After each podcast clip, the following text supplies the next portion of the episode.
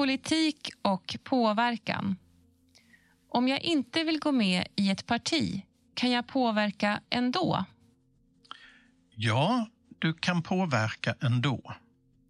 En demokrati innebär inte att du alltid får igenom din vilja, men du har alltid rätt att säga och kämpa för det du tror på.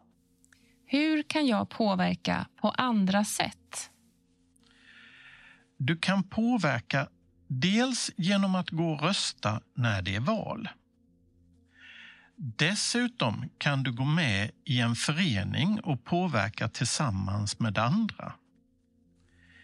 Eller så kan du samla en lista med namn på personer som håller med dig om något du vill förändra i samhället och överlämna den listan till politiker där du bor.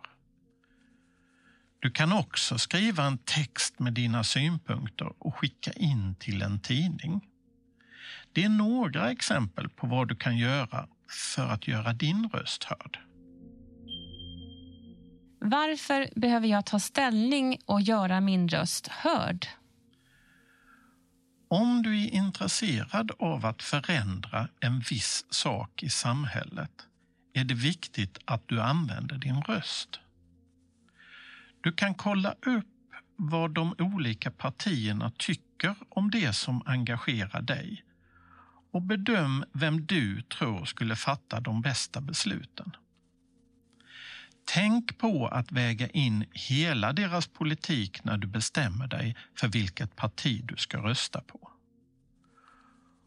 Om du har svårt att hitta information går det jättebra att fråga partierna direkt vad de vill i olika frågor.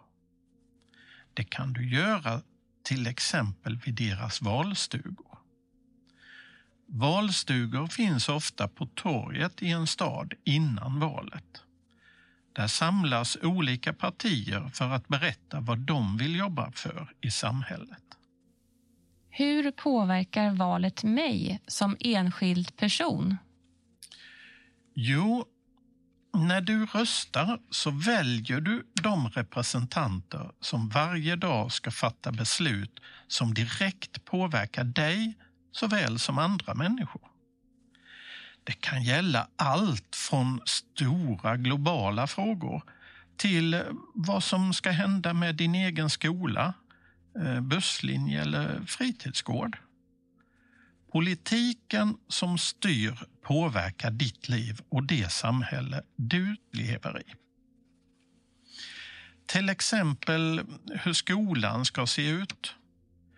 Hur ska samhället behandla sjuka och ekonomiskt svaga? Hur ska samhället stödja dem som inte kommer in på arbetsmarknaden? Det är politik. Vi ska inte ta vår rätt att rösta för given. Hur menar du då?